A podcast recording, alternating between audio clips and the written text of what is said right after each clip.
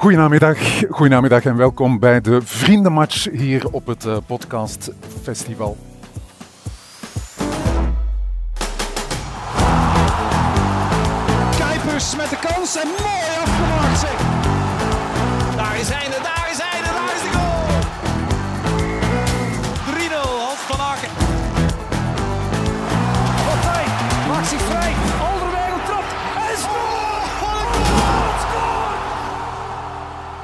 Het uh, aanbod voetbalpodcasts in ons land wordt uh, met de dag groter. Ik ken eigenlijk uh, niemand nog die elke week naar alle voetbalpodcasts luistert. Maar in welke voetbalpodcast lullen ze nu eigenlijk het best over voetbal? Dat is de vraag die wij ons vanmiddag stellen. over 90 minuten en wellicht ook wat toegevoegde tijd kennen we het antwoord. Zijn het die van Shotcast? Zijn het die van Mid-Mid? Of spant Koelkast de Kroon. Dat kom je vandaag dus te weten op het podcastfestival. Een wedstrijd dus tussen drie van de populairste voetbalpodcasts in ons land. Er zijn uh, kennisvragen uh, vanmiddag in de Vriendenmatch, maar de meeste vragen die ik stel, die zijn eigenlijk gewoon bedoeld om een goed gesprek op gang te brengen. Een gesprek over podcasts, over voetbal en uiteraard over de voetbalpodcast zelf. Jullie zijn het publiek, jullie zijn de scheidsrechter en jullie zijn de VAR tegelijkertijd, want jullie kunnen zelf vragen stellen in de laatste ronde van deze wedstrijd. Heb je een goede vraag, hou hem dan dus uh, zeker bij tot het einde en uh, stel hem in de laatste ronde. Jullie bepalen mee wie deze vriendenmatch wint, want een aantal punten gaat naar de ploeg die het luidste applaus krijgt. Welkom jongens allemaal gehuld in uh, voetbalshirts. Uh, ik begin met uh, jullie shotcast met Janko en Koen. Um, jullie nemen het op tegen niet van de minste hier vanmiddag. Um, kennen jullie de andere podcasts eigenlijk goed? volgen jullie het, het podcastlandschap op de voet? Ik probeer toch zoveel mogelijk naar de collega's slash concurrenten te luisteren. Ik ben zelfs bij de Vrienden van Meet Meet ook al te gast geweest. We hebben er zo een jaarlijkse traditie van gemaakt om rond de kerstperiode af te spreken voor een podcast samen. En ik verwacht nog een uitnodiging voor dit jaar ook. Jullie zijn dus echt wel uh, podcastluisteraars. Zijn er zo voorbeelden die je hebt, uh, Koen? Uh, zijn er referentiepodcasts voor jou? Buitenlandse voorbeelden misschien? Ja, nog voordat eigenlijk de voetbalpodcasts in, in, in Vlaanderen waren doorgebroken, luisterde ik naar de, de Spanish voetbalpodcast, een ja. Engelstalige over Spaans voetbal. Ben dan zelf ook met een, uh, met een collega begonnen met een, met een podcast over het Spaans voetbal, een Nederlandstalige dan. En dat was wel een voorbeeld. Ik kende dat nog niet echt. Ik denk dat Meet Meet zelfs nog niet bestond. En dan ben ik er zo wel wat ja, meer in geïnteresseerd beginnen raken en, en er meer en meer beginnen luisteren. Maar het is wel echt begonnen met een, met een Engelstalige podcast bij mij. Ja. Gisteren is uh, Mid Mid in de prijzen gevallen. Jullie kregen de prestigieuze publieksprijs. Daar uh, zie je hem. De oorkonde is dat. Een uh, oorkonde jullie geschonken eigenlijk uh, door het publiek. Dat is eigenlijk de mooiste ja. prijs die je, die je kan winnen. Um, Evert, uh, je maakte een terechte opmerking gisteren, want je zei misschien een idee voor volgend jaar. Er moet een categorie sport bij die oorkondes. ja, ik wil dat wel eens verduidelijken eigenlijk. Het valt me wel op, er waren vijf andere categorieën met jury genomineerden. Vijf keer vijf, 25 podcasts. En daar zat geen enkele sportpodcast bij. Ik vind dat heel opvallend in een land waarin sportpodcasts enorm veel beluisterd uh, ja. worden en ook een enorme kwaliteit leveren. Dus als ze dan niet genomineerd worden in een bijvoorbeeld talk- of inzichtcategorie, dan moeten we maar een eigen categorie oprichten. Ja. Gilles, hoe belangrijk is die publieksprijs nu uh, voor jullie? Uh, betekent dat iets voor jullie?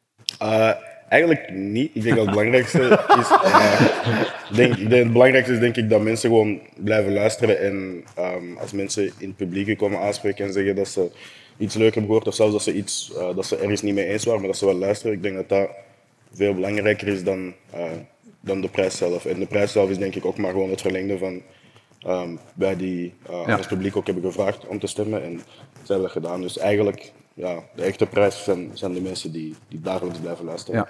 Alexandre, jullie hebben uh, net zoals zij een hele reeks uh, uh, podcasts, podcastreeksen eigenlijk in het aanbod zitten. Jullie hebben er ook een over de Challenger Pro League 1B.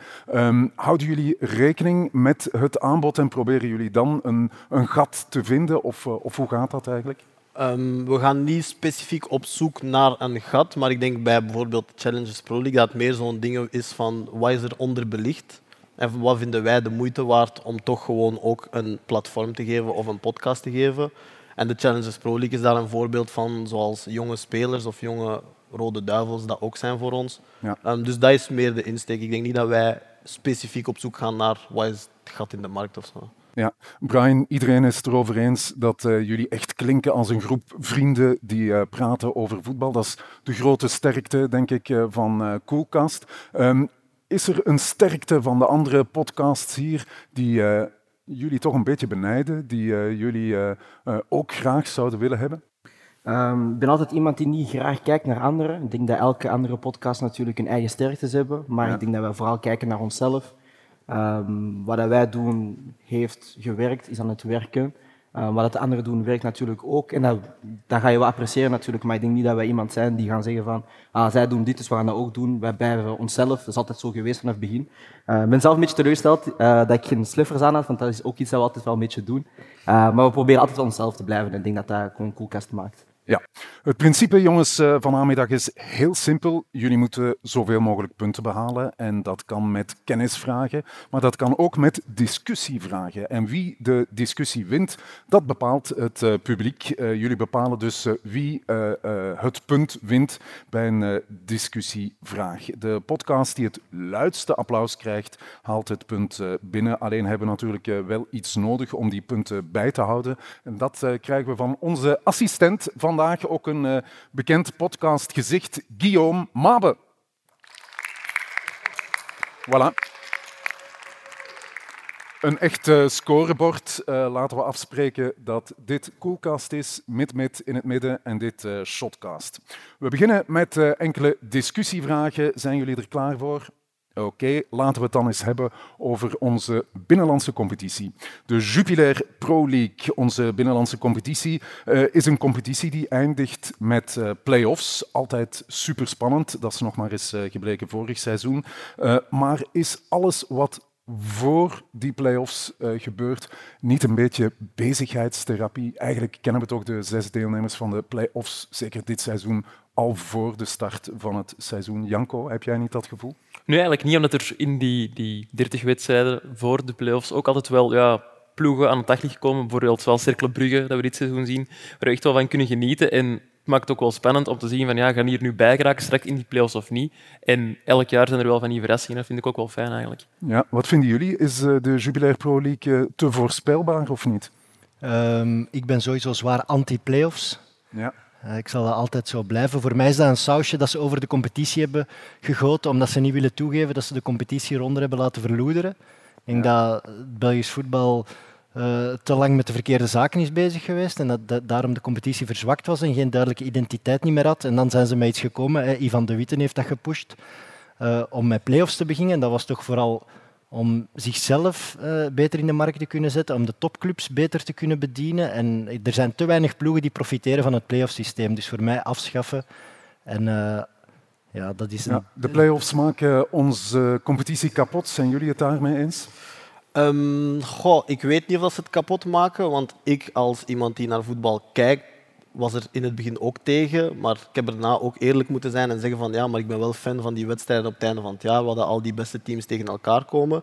Ik denk dat het meer kapot maakt voor iedereen die buiten die eerste play-offs valt, omdat zij op dat moment dan meer aan bezigheidstherapie bezig zijn en eigenlijk niet meer deftig voor iets echt serieus aan het voetballen zijn. Maar voor de top denk ik wel dat het een goed ding was en ergens het gevolg ook is dat wij nu teams hebben die in het Europees voetbal het gewoon goed doen, dus die wel sterker zijn geworden. Dat is een heel genuanceerd uh, standpunt. Uh, ons format uh, geeft toe, als je dat moet uitleggen, dan ben je al even bezig. Hè. Is het niet ingewikkeld? Dat vind ik het grootste minpunt. Hè. Samen met het feit dat de kleine clubs er eigenlijk helemaal niks aan hebben. Ehm, je moet ook gewoon maar kijken naar de grote competities in de andere landen waar we allemaal naar opkijken. Daar zijn geen play-offs. Dus daar zijn ook kleine ploegen die wel eens verrassen en vierde of vijfde eindigen en zo een Europees ticket kunnen bemachtigen. Bij ons is dat extreem moeilijk. Janko noemde net Cercle Brugge. Die staan daar heel knap, maar iedereen weet aan het einde van de rit gaan die, gaan die er waarschijnlijk net uitvallen. Of alleszins geen Europees ticket uh, bemachtigen. En dat is, dat is wel spijtig. En ik ben uh, net als Evert daarom ook heel hard anti-playoffs. Anti-playoffs en een uh, genuanceerd standpunt over de play-offs in onze Jubilair Pro League. Ik denk dat we een eerste discussieronde uh, achter de rug hebben. Uh, voor alle duidelijkheid, jullie mogen tussenkomen en jullie mogen elkaar uh, onderbreken. Maar we gaan toch al eens kijken wie het eerste punt van, van namiddag binnenhaalt. Is dat um, de jongens van Shotcast? Een applaus. Zijn het de jongens van Mid-Mid misschien? Kan beter. of gaat het eerste punt naar Koelkast? Ik denk dat we een winnaar hebben. Ik vond het uh, derde applaus het luidste klinken. Dus uh, dat is een punt erbij uh, voor Koelkast.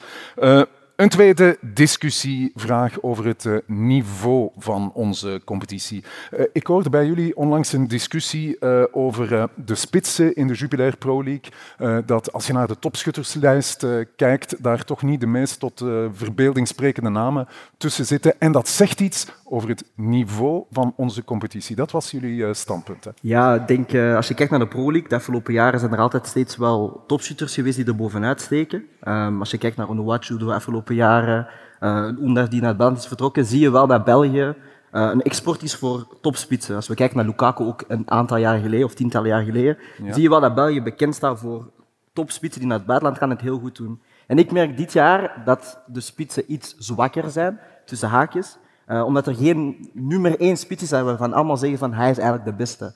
Um, en ik merk dus daardoor een beetje dat het niveau van de Pro League dit jaar een beetje is gezakt. Wat dan normaal is, want elk jaar verlies je spelers. Ik denk vorig jaar had je een Boniface en iedereen verwacht natuurlijk dat hij iets langer blijft. Maar hij heeft zo'n topseizoen en nu vertrekt hij naar Duitsland en doet het weer goed.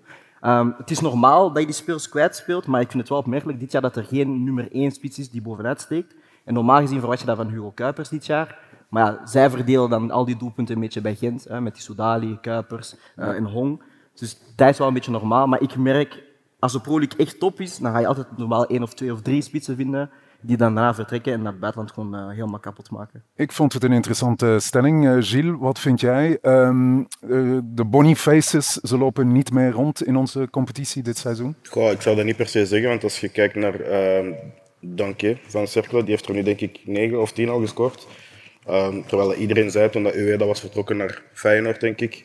Dus voor 12 miljoen vertrokken, ze hebben niemand nieuw gehaald. Gaat er wel iemand zijn. Um, ik merk dat heel erg bij ploegen als Cercle en Union, dat die altijd wel iemand hebben klaarstaan. Als je kijkt naar wat Amoura nu is aan het doen. Um, ik denk dat er wel twee, drie jongens zijn, maar dat die ook ja, in, in tijd moeten nemen om daar te geraken. Het is november, dus ik denk we zitten aan speeldag 12 of 13.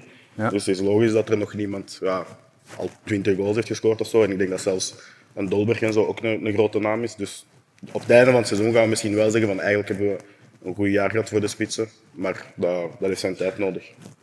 Ja, zo eentje die er 30 maakt op een seizoen, dat komt niet elk seizoen voor. Hè. Ook niet in andere competities. Uh, Lukaku werd genoemd, maar die is volgens mij een keer topschutter geworden met 15 doelpunten in de, in de Pro League. Dus dat aantal doelpunten zegt niet altijd alles. Boniface had er ook volgens mij maar 15 of zo vorig jaar. Dus. En Denk heeft er nu al 10, dus die is nog wel op weg om er meer dan 20 te maken. Um, het aantal doelpunten van een spits is volgens mij niet echt een waardemeter voor hoe sterk uw competitie is. Misschien is onze competitie zelfs sterker, omdat er weinig spitsen er zoveel uh, gemakkelijker kunnen maken. Nu, tenzij we een Onuwatch hadden uh, twee jaar geleden, die er echt bovenuit stak, letterlijk en figuurlijk. Um, maar ik zie wel nog heel veel goede spitsen in de Belgische competitie. En ik heb niet het idee dat de competitie bijvoorbeeld zwakker is dan twee jaar geleden. Zeker niet. Het is niet zozeer het aantal doelpunten er naar kijken. Het is gewoon puur het aantal spitsen dat je nu kan opnoemen. Waarvan je zegt van zij kunnen volgend jaar vertrekken en een impact maken op clubs. En daar heb je vorig jaar heel veel gehad. Ueda is naar uh, het buitenland gegaan, speelt dit jaar Champions League. Boniface doet het heel goed uh, in Duitsland. Ik heb het meer daarvoor. Het is niet per se het aantal doelpunten, want ik ben van mening dat je niet een spits enkel kan baseren op doelpunten. Er zijn heel veel andere um, attributen dat je hebt bij een spits. Maar als ik kijk naar de spitsen dit jaar, denk ik van vorig jaar, en we hebben betere jaren gehad, en dat is normaal. Ik denk dat dit jaar meer middenvelders bijvoorbeeld in de Pro League aan het overnemen zijn dan bijvoorbeeld spitsen. Maar maar- nu toch ook, oh, sorry, Sorry. Amoura is nog, nog zo'n nieuwe Ja. spits die toch direct alles kapot speelt. Toevallig weer bij Union. Ja. Eh, er zullen er nog wel zo'n paar op staan, denk ik. Denk jij ook een goed voorbeeld, vind ik, bij Cirkel inderdaad, die Gilles al noemde. Die zie ik ook al meedraaien bij een Europese subtopper op termijn. Evert eh, zegt voor jou eh, het werk van de spitsen in onze competitie iets over eh, eh, het niveau van de Jubilair Pro League. Spits alleen niet, maar ik denk dat het normaal is dat het, dat het niveau heel erg wisselt tegenwoordig, omdat het voetbal is helemaal veranderd. We komen uit een tijdperk waar dat voetballers lengte van jaren bij hun club bleven en ook samen bleven, waardoor dat je sowieso een elftal kreeg dat veel beter op elkaar was ingespeeld en waardoor dat spelers die soms eens een slecht jaar hadden, langer bij hun club bleven en dan toch onbolsterden, waardoor dat je echt echt heel herkenbare clubs kreeg. En nu zijn we een transfercompetitie geworden waarin dat we moeten hopen dat de witte merel die binnenkomt meteen presteert. Ehm, dat heeft ook zijn charme. Ik Ja. vind dat ook soms wel leuk om zo elk jaar nieuwe spelers te ontdekken. Beiden is leuk. Ehm, of dat nu zwakker is geworden, de Europese resultaten zeggen van wel. De jaren 80 deden wij echt mee voor Europa Cup winst. Dat doen we nu niet meer. Dus ja, het is zwakker geworden. Of de anderen zijn veel sterker geworden. Dat kan ook. Ja, maar de Conference League is er wel bijgekomen. En dat is iets waar eh, Belgische clubs natuurlijk wel ver eh, kunnen geraken. Denk je dat dat een goede zaak is, eh, Alexandre, voor het, eh, het niveau van onze competitie? Ik denk het wel, omdat ik denk dat je als je wilt groeien of als je beter wilt worden, het soms beter is om dat in kleine stappen te doen. Zoals voetballers die bijvoorbeeld naar België komen, dan naar Frankrijk, dan naar Duitsland bijvoorbeeld. Denk ik dat het voor sommige van onze clubs ook een goede zaak gaat zijn dat zij in de Conference League al tegen andere Europese teams kunnen spelen, al een beetje beter worden en dan in de competitie ook wat kunnen groeien. Omdat ik denk, als je meteen Europa League of Champions League speelt en je hebt daar één een uitblinker, ja, die is direct weg. En dan moet je terug bouwen en dan zet je de competitie weer een beetje aan het sleuren. En, want dat zijn we ook geworden, dat is wat Evert zegt. We zijn een competitie geworden waar je eigenlijk elk jaar terug moet bouwen. Maar die Conference League is zo een competitie waar je toch al je kunt meten met de rest, rustig aan kunt groeien. En ik denk dat je zo stapsgewijs wel naar boven kunt gaan. Ja. Ja. Ik denk ook financieel dat dat heel veel voordelen heeft voor clubs die dat natuurlijk meedoen. Maar ook gewoon als je kijkt naar hoe dat spelers ervaring kunnen opdoen. Want uiteindelijk is België een beetje een opleidingscompetitie geworden. Ja, nu heb je drie competities en ik denk dat dit jaar het perfecte voorbeeld is. Je hebt Union in eh, de Europa League, eh, je hebt dan de andere ploeg in de Conference League en dan heb je een Antwerp eh, in de Champions League. Dus je hebt natuurlijk veel meer ploegen die Europees spelen. Het uiteindelijk, als je één ploeg hebt die Europees speelt, die spelers kunnen hun waarden opkrikken en die vertrekken dan. Nu heb je heel veel ploegen die eigenlijk al kunnen zeggen van kijk, we hebben jongens die Europese ervaring hebben, we kunnen er een grotere prijs aan hangen en zij kunnen dan weer gaan doorinvesteren naar die spelers, dan Ja. naar nieuwe spelers.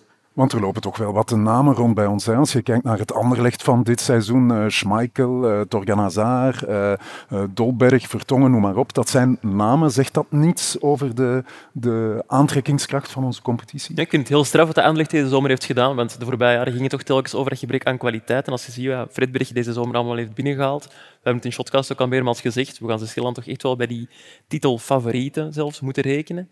Vind ik heel straf. En over die Conference League, ik vind dat ook wel een opportuniteit voor de Belgische ploeg. Om, eh, als je kijkt naar bijvoorbeeld Feyenoord twee seizoenen geleden, was een ploeg die ook ja, vrij hard in het slop zat. Die deed toen heel goed in die Conference League. En die club is echt al aan een heropleving bezig. En ik heb dat gevoel bij Anderlecht vorig seizoen ook wel een beetje gehad. Die zijn niet zo ver geraakt als Feyenoord, maar er is wel een soort boost gecreëerd door die Conference League. Dus dat heeft zeker eh, een waarde. Ik denk dat het gevoel leeft bij onze topclubs. In de jaren 80 deden we mee voor Europa Cup 1, Europa Cup 2 winst. Ja, nu dat derde niveau, die Conference League. Onze topclubs kunnen daar meedoen tot in de finale en dat, en dat spel zelfs winnen. En dat is iets wat voor de Conference League echt wel ondenkbaar was. Dat gebeurt bijna nooit dat een ploeg uit een klein land als België in de Europa League of in de Champions League tot in de finale geraakt. Dat is super uitzonderlijk. Met die Conference League is er zo een vernieuwde hoop voor onze topclubs om toch eens een Europees succes te kunnen boeken. Oké, ik denk dat jullie mogen beslissen naar wie het tweede punt van vanmiddag gaat. Gaat het naar Koelkast? Of toch maar naar Mid-Mid? Of komt er een punt bij voor Shotcast? Ja, dat is duidelijk, denk ik. Hè. Die van Shotcast die krijgen ook een punt. Ehm, jullie zitten nog met nul punten. Ja, dus Jeroen. eh, tandje bijsteken. hier al de prijs gisteren. Godverdomme. Iets te veel gefeest misschien gisteren. Eh, Wrijf het er maar in. ik ben klaar voor de volgende stelling. ja, We blijven nog even hangen in onze competitie, de Belgische competitie. Uh, want uh, over een paar weken zal het uh, gespeculeerd weer beginnen over de gouden schoen natuurlijk. wie verdient hem dit seizoen, Evert? Toby. Alderwereld. Alderwereld. Ja, 100 procent. Ja. Is hij ook op dit moment de beste speler in onze competitie, Gilles? Um, goh, ik vind altijd iets heel moeilijk om te bepalen wie is de beste, omdat je met zoveel posities zit en zoveel facetten. En ik denk dat je het zelfs onderling spelers op dezelfde positie kunt vergelijken en punten gaat vinden waar dat iemand beter is en iemand niet. Maar ik denk dat die prijs meer zou moeten betekenen. Wat heb je dit jaar gedaan of wat heb je betekend? En ja, ik denk dat iedereen wel weet hoe dat Toby Alderweireld eigenlijk de titel mee naar Antwerpen heeft gebracht. Heeft er dan een dubbel van gemaakt door uh, in de beker ook nog te winnen en dan uh, nu Champions League spelen. Ik denk dat gewoon wat dat heeft betekend voor de club Antwerpen dit jaar, heeft niemand overstegen. En er zullen waarschijnlijk wel spelers zijn die intrinsiek betere voetballers zijn of die hogere hoogtes zullen halen dan wat hij dit jaar heeft gedaan. Maar ja, op dit moment, ja. dit jaar... Bestaat daar discussie eigenlijk uh, over, over de gouden schoen naar Toby Alderweireld of niet? Nee, ik denk dat Toby hem verdient. Ik denk dat Toby hem verdient, ook omdat vaak wordt onderbelicht wat een verdediger betekent voor een ploeg, wat stabiliteit betekent voor een ploeg, wat een kapitein betekent voor een ploeg. Um, en dat heeft hij allemaal gebracht bij Antwerpen. Hij heeft ervaring gebracht naast jongens als Pacho. Hij heeft voetballend de ploeg heel zwaar geholpen op bepaalde momenten. Want ik bedoel, soms speelden jongens op dat middenveld en was het gewoon een marathon dat ze aan het lopen waren en Toby moest gaan strooien. Uh, maar dan is hij nog eens super belangrijk geweest en zo'n beetje het voetbal kunnen overstijgen in die belangrijke wedstrijden, in de laatste wedstrijd. Waar dat je ja, een soort van mentaal aspect heeft gebracht dat, dat alleen hij misschien op dat moment kon brengen. En dan poeiert hij de, de, ja, die bal in het net en zijn ze kampioen en hebben ze de dubbel. En ik denk ook het hele verhaal van dat terugbrengen. Hij wou terug in Antwerpen komen voetballen. Dat moet je allemaal meenemen, denk ik, als het gaat om een prijs als de Goudschoen. Ja, het is het uh, totaalpakket uh, dat uh, Toby Alderweireld wellicht de gouden schoen zal bezorgen. Maar als je vraagt wie is de beste speler in de Belgische competitie, dan denk ik toch eerder aan een, een Nouza van Club Brugge of, of zo het pure talent. Ja, maar verdedigers worden toch vaak onderbelicht, merk ik ook wel. Want die cijfers van Alderweireld die ogen nu ook minder indrukwekkend dan vorig seizoen. Heeft minder doelpunten, minder assists. Maar Antwerpen heeft ook wel een mindere periode gekend. En, en wat mij betreft hij al gemakkelijk vijf of zes assists kunnen hebben. Maar lag dat gewoon aan zijn ploegmaat die er te weinig mee deden op sommige momenten. En ik denk dat Toby ook ergens wel het geluk heeft dat er dit seizoen wel een paar jongens zijn die zich al hebben laten zien. Nu heeft een paar goede wedstrijden gekend. Amoura doet nu ook goed. Denke is eigenlijk wel ook een goede seizoen zelf bezig. Maar er is niemand die al al echt maanden aan het volhouden is. En dat maakt ook wel dat er weinig jongens zijn die heel veel punten gaan krijgen in die tweede ronde, denk ik. Ja, je noemt daar een naam, Amoura. Als we een momentopname doen, wie is nu vandaag de dag uh, de beste in uh, België? Is dan, dat, uh, is dan het antwoord Amoura? Goh, ja, ik zeg het de beste noemen. Ik vind dat echt zo ja, bizar eigenlijk. Ik zou, meer, ik zou liever bijvoorbeeld een beste team kiezen.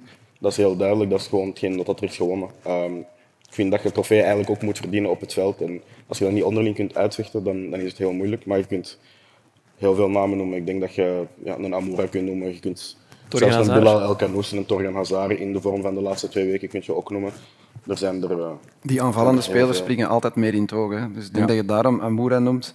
Uh, maar Alderweireld speelt gewoon elke week zijn match, doet bijna nooit iets verkeerd. Eigenlijk is hij te goed voor onze competitie. Nu mm. nog op zijn 33.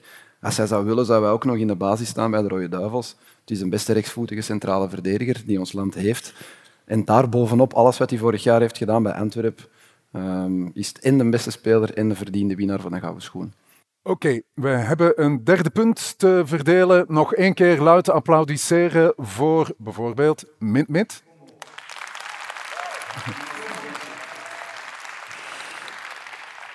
Of Shotcast. Of toch maar Koelkast. Nee, dat is duidelijk. Het derde punt gaat naar uh, Mid-Mid. Maakt het uh, super spannend. Uh, we gaan het wat exacter doen en het publiek even wat laten rusten met enkele kennisvragen. Okay. Daar voor jullie staat een buzzer, die maakt lawaai als je daarop klopt. ik stel een vraag. Ken je het antwoord? Stap je naar die buzzer, duwt, je mag maar één keer duwen en maar één keer een antwoord geven. En dan kan je het antwoord geven. Oké? Is dat duidelijk? Mag er gevochten worden? Of? Uh, je doet maar. Okay. Ik, uh, dat moet van verder. Ja, ja we moeten echt van verder. Takkel. tackle gooien. Eh, mag, mag het altijd dezelfde persoon zijn, die bus, want hij kan niet lopen. Ah. Ah, oké. Daar had ik inderdaad geen rekening mee gehouden. Dat is goed. Jij mag eh, twee keer. Voilà. Eh, oké. Alleen niet dat ik ook kan lopen, maar... Dit is de eerste. Morgen, jongens, is het eh, niet zo ver van hier de stadsderby Club Brugge, Cercle Brugge. Noem me één speler die ooit zowel voor Club als voor Cercle Als je vertrokken antwoorden. de vraag. Hier gewoon wandelen eigenlijk. eh. Als je vertrokken zou moeten Oké. antwoorden. Uitsluiting. Even terug zitten, Koen. of gaan Eh, zitten laat mij of mijn eh, zin afmaken. Eén speler die zowel in het shirt van Club als in het shirt van eh, Cercle scoorde in de derby. Verdoemen, hè. Good Johnson. Ja, correct. Een punt erbij voor eh mid-mid. Sterke comeback. Eh, jongens, Good Johnson. Je had ook eh, Tom de Sutter kunnen antwoorden. Of, ehm, Sorry, Bijvoorbeeld- ik vertrouwde nu niet. of eh, langer geleden ook eh, Paul Courant. Die heeft ook eh, zowel voor Club als voor eh Cercle gescoord. Oké, voorspelling trouwens. eh, morgen de derby. Evert, wat denk je? Ehm, ik denk dat Cercle gaan winnen. Cercle Allee, eigenlijk is dat niet meer verrassend, want Wil Club jij nog punten krijgen hier vandaag of niet, jongen? Oké, denk eraan, snel antwoorden. Ehm, de Belgische competitie, we zeiden het daarnet, is eh, vooral, eh, zoals je zei, een transfercompetitie, een opleidingscompetitie. En dat eh, bewijzen heel wat transfers de jongste jaren. Een van de opvallendste transfers de afgelopen zomer was een jongen met een verleden in de Belgische competitie in ons land. Het gaat om Moses Caicedo, die voor 127 miljoen naar Chelsea ging. Hij speelde ooit in de Belgische competitie voor Beerschot. Hoeveel keer scoorde hij in de Belgische competitie? Ja, we hebben een beerschotwatcher. Ja, man, die is fan van Ik denk Beerschot. één keer. Eén keer, klopt. Eén Weet je ook tegen wie? Eh, ja, thuis tegen Genk. Ja. Klopt. Is er een bonuspunt? Ja, heel goed. Een punt erbij voor die, Shotcast. eh, die, dat was die panna-actie, hè? Hij, gaf een panna, was het niet in die actie? Ja, ja, dubbele Ja, panna in die ja, ja, wedstrijd. ja. Ja. Maar eh, inderdaad, eh, jij eh, was een beetje ehm, Bevoordeeld. bevoordeeld, want jij bent Beerschot-watcher lang geweest. Heb je. Caicedo vaak ontmoet? Ja, ik heb hem twee keer gesproken, maar met een tolk, want ik kan geen Spaans. En ik probeer nu ook... we zijn in onderhandeling zeg maar, om langs te gaan in Londen, want hij wil graag nog eens met de, met de Belgische media spreken. Oké, cool. Tof. We zitten hier aan zee en de zee, jongens, wordt stevast bezongen door de supporters van Union Saint-Gilloise. Zij zingen voor en na de wedstrijd eh, stevast Vamos a la playa. Dat was een wereldhit in de jaren tachtig. Ehm, en intussen een van de lijfliederen van eh, de Union supporters. Waarom? Waarom? Ik weet dat toch niet, bro? Ik weet dat wel. Ik weet dat toch niet? Jij weet dat? Ja, die, die zanger is grote fan van Union. Klopt, heel juist. Evert Legend. Alweer een punt voor eh Mid-Mid. Ja, Rigera, dat is een eh, Italiaans duo. Ze zongen in het Spaans. En eh, een jaar of vijftien geleden eh, waren die jongens in Brussel voor een optreden. En op zondagnamiddag vroegen ze, is hier iets te doen in Brussel? En iemand zei, ja, je moet naar een match van eh, Union gaan. En sindsdien zijn ze blijven komen.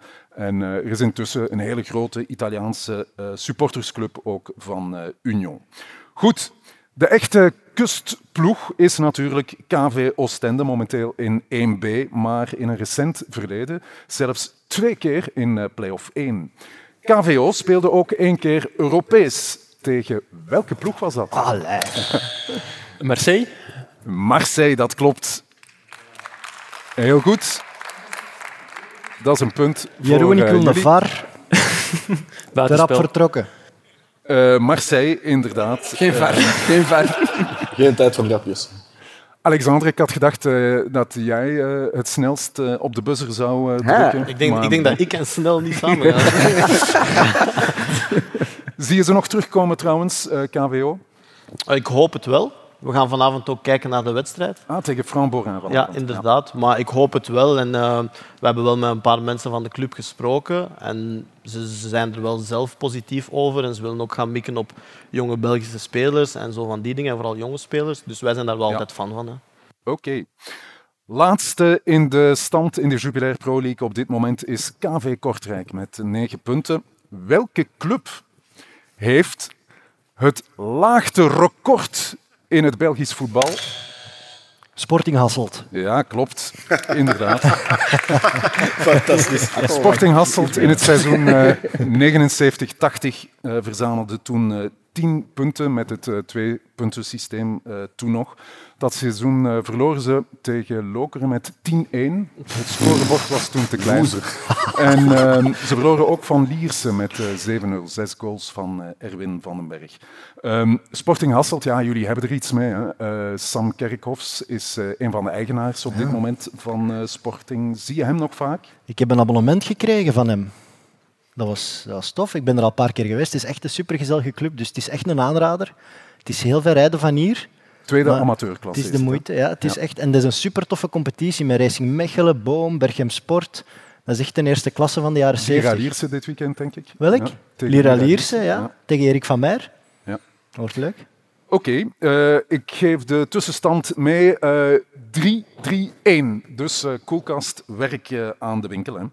Eh, ik heb de indruk eh, dat jullie misschien wat versterking kunnen gebruiken. Daarom stel ik voor dat elke ploeg er een derde speler bij krijgt. Het zijn niet de minste die klaarstaan. Voor eh Shotcast, dames en heren, de man met twee gouden schoenen, vier WK-deelnames en vijf landstitels. Frankie van der Elst. Dag Frankie. We halen er ook iemand bij voor eh Coolcast, de man die in vier verschillende landen voetbalde, kampioen werd in Nederland en tegenwoordig de toekomst van het Belgisch voetbal in handen heeft. Gilles Swerts.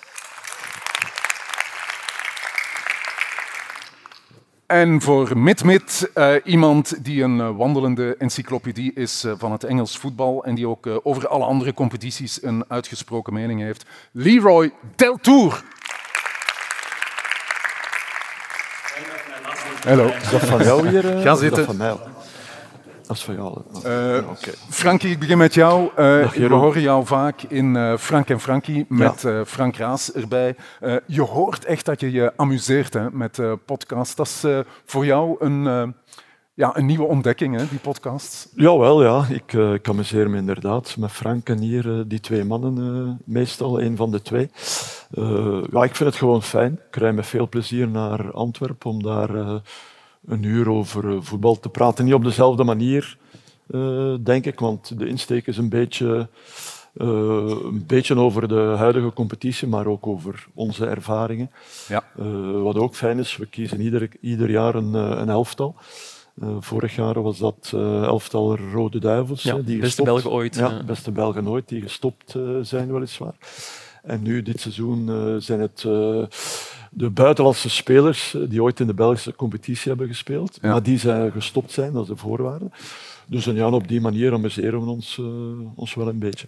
Ja, bereid je dat nu voor als je daar naartoe komt? Eh, steek je Ja, een veel beetje tijd wel. in? Ja, ik vind Frankie dat- heeft een boekje bij altijd. hè. Ja, ik, ik, ik noteer wel een aantal dingen, maar meestal, eh, meestal eh, gebruik ik dat niet, tenzij dat het gaat over, eh, over dat elftal.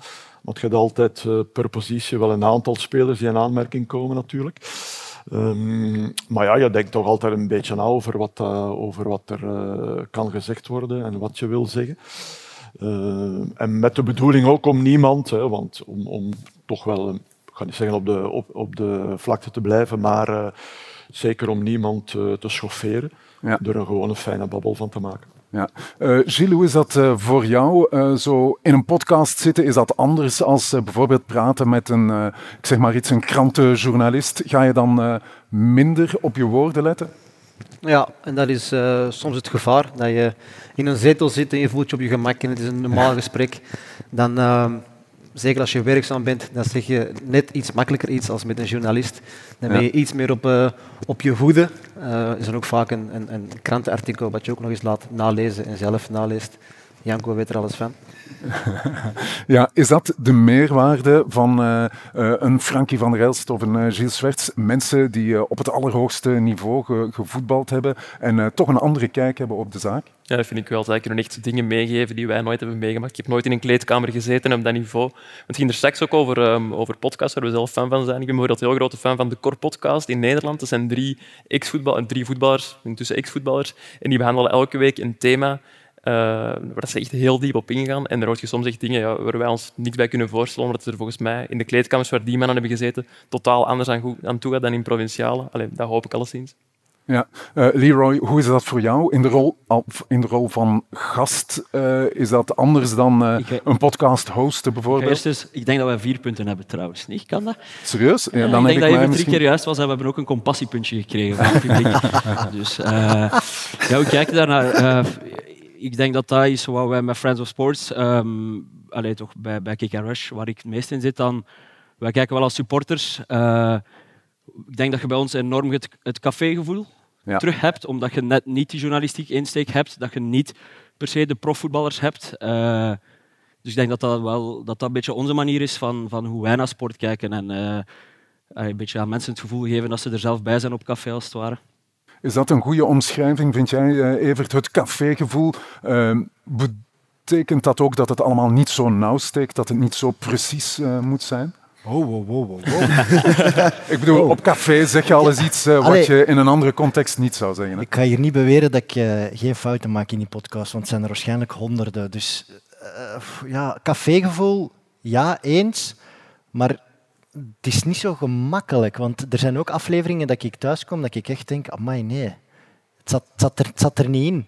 Ja. En nogthans, een cafégesprek kan ook goed en slecht zijn. Dus bij afleveringen heb je dat ook. En dat mag eigenlijk niet de bedoeling zijn, want je werkt wel nog altijd voor je publiek. Dus ik probeer wel altijd het zo goed mogelijk te doen en dat lukt niet altijd. Maar daarom verschilt het wel van een cafégevoel, denk ik, omdat je wel echt probeert iets mee te geven of zo. Je bent ja. er wel mee bezig. Zoals Frankie heb ik ook altijd een boekje bij waar ik van alles heb in opgeschreven. Ja, je bent er wel mee bezig. En op café echt wel niet. Ja. Wanneer zijn jullie tevreden over een uitzending, uh, Alexander? Wanneer zeg je, dit was nu zo'n goede aflevering? Um, ik denk dat wij niet heel vaak echt tevreden zijn, um, maar ik zal het ook niet echt kunnen uitleggen, omdat dat soms na een opname, en iedereen zal dat hier wel kennen, denk ik, soms kun, heb je gedaan en, en heb je een gevoel dat je een goede match hebt gespeeld. Ja. Ik, dat is het beste hoe ik het zou kunnen beschrijven. Zo, soms speelt je een match en denkt je, ah, vandaag heb ik goed gespeeld. Je hebt dat met een opname ook, dat je gedaan hebt en dat je voor jezelf of voor de crew kunt voelen van, ah, vandaag waren wij op hoog niveau. Dat is wanneer, denk ik, wij blij zijn. Maar ja, dan gaat je in de ochtend nakijken en dan zullen we waarschijnlijk zeggen, ah, hier dat beeld, hier heb ik dat gezegd, ah, hier heeft hij ja. gehoest in de micro en zo. Dus echt heel blij denk ik dat niemand hier altijd volledig gaat zijn. Uh, maar dat is het, hoe ik het beste zou kunnen beschrijven, dat gevoel. Wanneer zijn jullie tevreden over een gast, uh, Gilles? Wanneer, uh, wat maakt een gast een goede uh, podcastgast? Ja, als hij iets heeft gezegd wat ik um, zelf niet al had willen zeggen. Ik um, heb heel vaak zo de twijfel of dat wij nieuwe gasten moeten pakken of dat wij gewoon met gasten van, van binnen of Sport um, de podcast willen maken.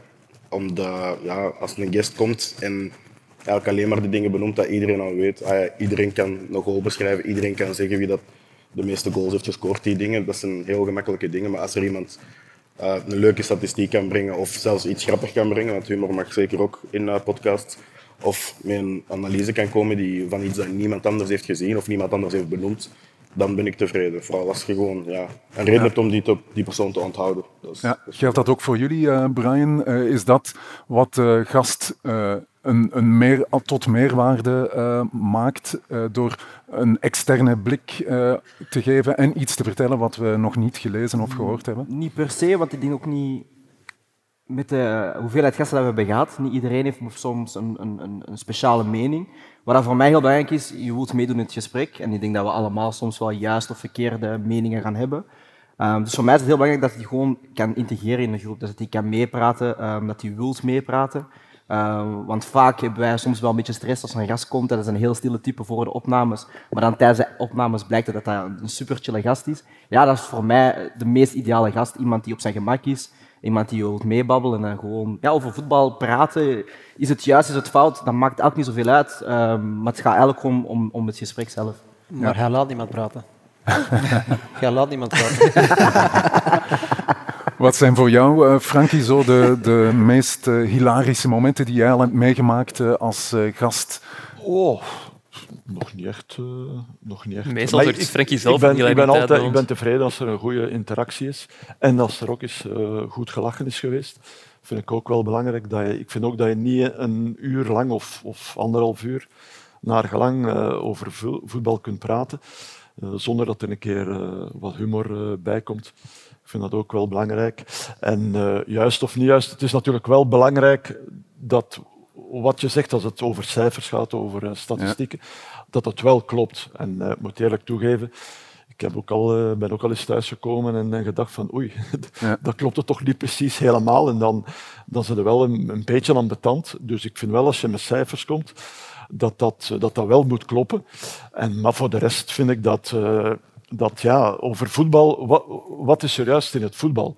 Het zijn alleen maar de cijfers die juist zijn. Voor de rest zijn het uh, meningen en meningen verschillen gewoon. De ene kan zeggen over speler X, ja, ja, ik vind dat hij zo en zo heeft gespeeld. Iemand anders kan zeggen, ja, nee, ik vind zo. Maar ja, wie heeft daarin gelijk? Dat is, uh, ik vind in het voetbal zeggen van uh, de die of die heeft gelijk, dat is moeilijk. Ja.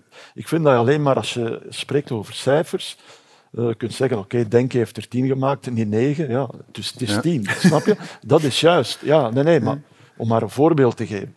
Dus en al de rest zijn, zijn maar meningen. Ja. En, en je moet vooral, uh, je kan discussiëren, hè, en dat is ook de bedoeling in een podcast, maar je moet wel altijd de mening van een ander respecteren. Uh, je moet niet, allee, dat vind ik toch niet het, uh, in een gesprek, het conflict opzoeken. Het moet gewoon aangenaam, leuk, plezant zijn voor Zowel denk ik degene die eraan deelneemt, als degene die, die er thuis naar luistert. Ja, um, we zitten hier met, uh, laten we zeggen, perfecte gasten voor de podcast. Uh, Leroy, wat maakt een uh, perfecte um, podcaster, een perfecte host? wat maakt een perfecte host? Ik denk authenticiteit, dat dat het allerbelangrijkste ja. is. Ik denk dat je niet anders moet gaan doen dan dat je normaal bent als je aan de micro zit. Dat je niet wel bespraakter moet voordoen dat je bent. Dat je, ja. niet, dat je ook geen uitspraken moet doen over dingen dat je niet gezien hebt. vind ik ook heel belangrijk. Uh, want dat wordt snel opgemerkt denk ik, door mensen. Dat wordt ook niet vergeven denk ik, door mensen. Dus dat komt voor mij allemaal terug op uh, authenticiteit gewoon. Ja, dat is een woord dat uh, vaak terugkomt. Hè. Uh, Gilles, authenticiteit, als het over podcasts gaat. Uh, is dat het grote verschil tussen een podcast en een ander mediaproduct? Authenticiteit? Um, ja, maar ik wil daaraan toevoegen wat ik dan belangrijk vind als, als, als host. Je hebt een kapstok, je hebt een leidraad, jullie bereiden alles voor. Maar als je dan een gast hebt, dat je als host wel kan inspringen op hetgeen wat de gast zegt. En niet enkel de lijst uh, afwerkt en daardoor heb je juist de, natuurlijke vibe, cafépraat of hoe je het ook wil noemen, uh, en die authenticiteit. En ik denk dat dat heel belangrijk is. Je had dit over een, vriendengroep waar het op een natuurlijke manier uh, moet gaan en dat is bij, bij Coolcast zeker het geval. Um, waar het ook altijd één iemand uh, de pispaal is. Uh, maar waar ook heel veel wordt gelachen. Ja, zo is het. Ja. En meestal is dat? Ja. Wie is dat meestal? Ik ga het niet in publiek zeggen. I prefer not to speak. If I'm speak, I'm in trouble. Ja, het valt uh, wel weer op. We zijn hier in een heel exclusief mannelijk gezelschap. zowel bij de podcasters als bij de gasten. opvallend weinig vrouwen, hè?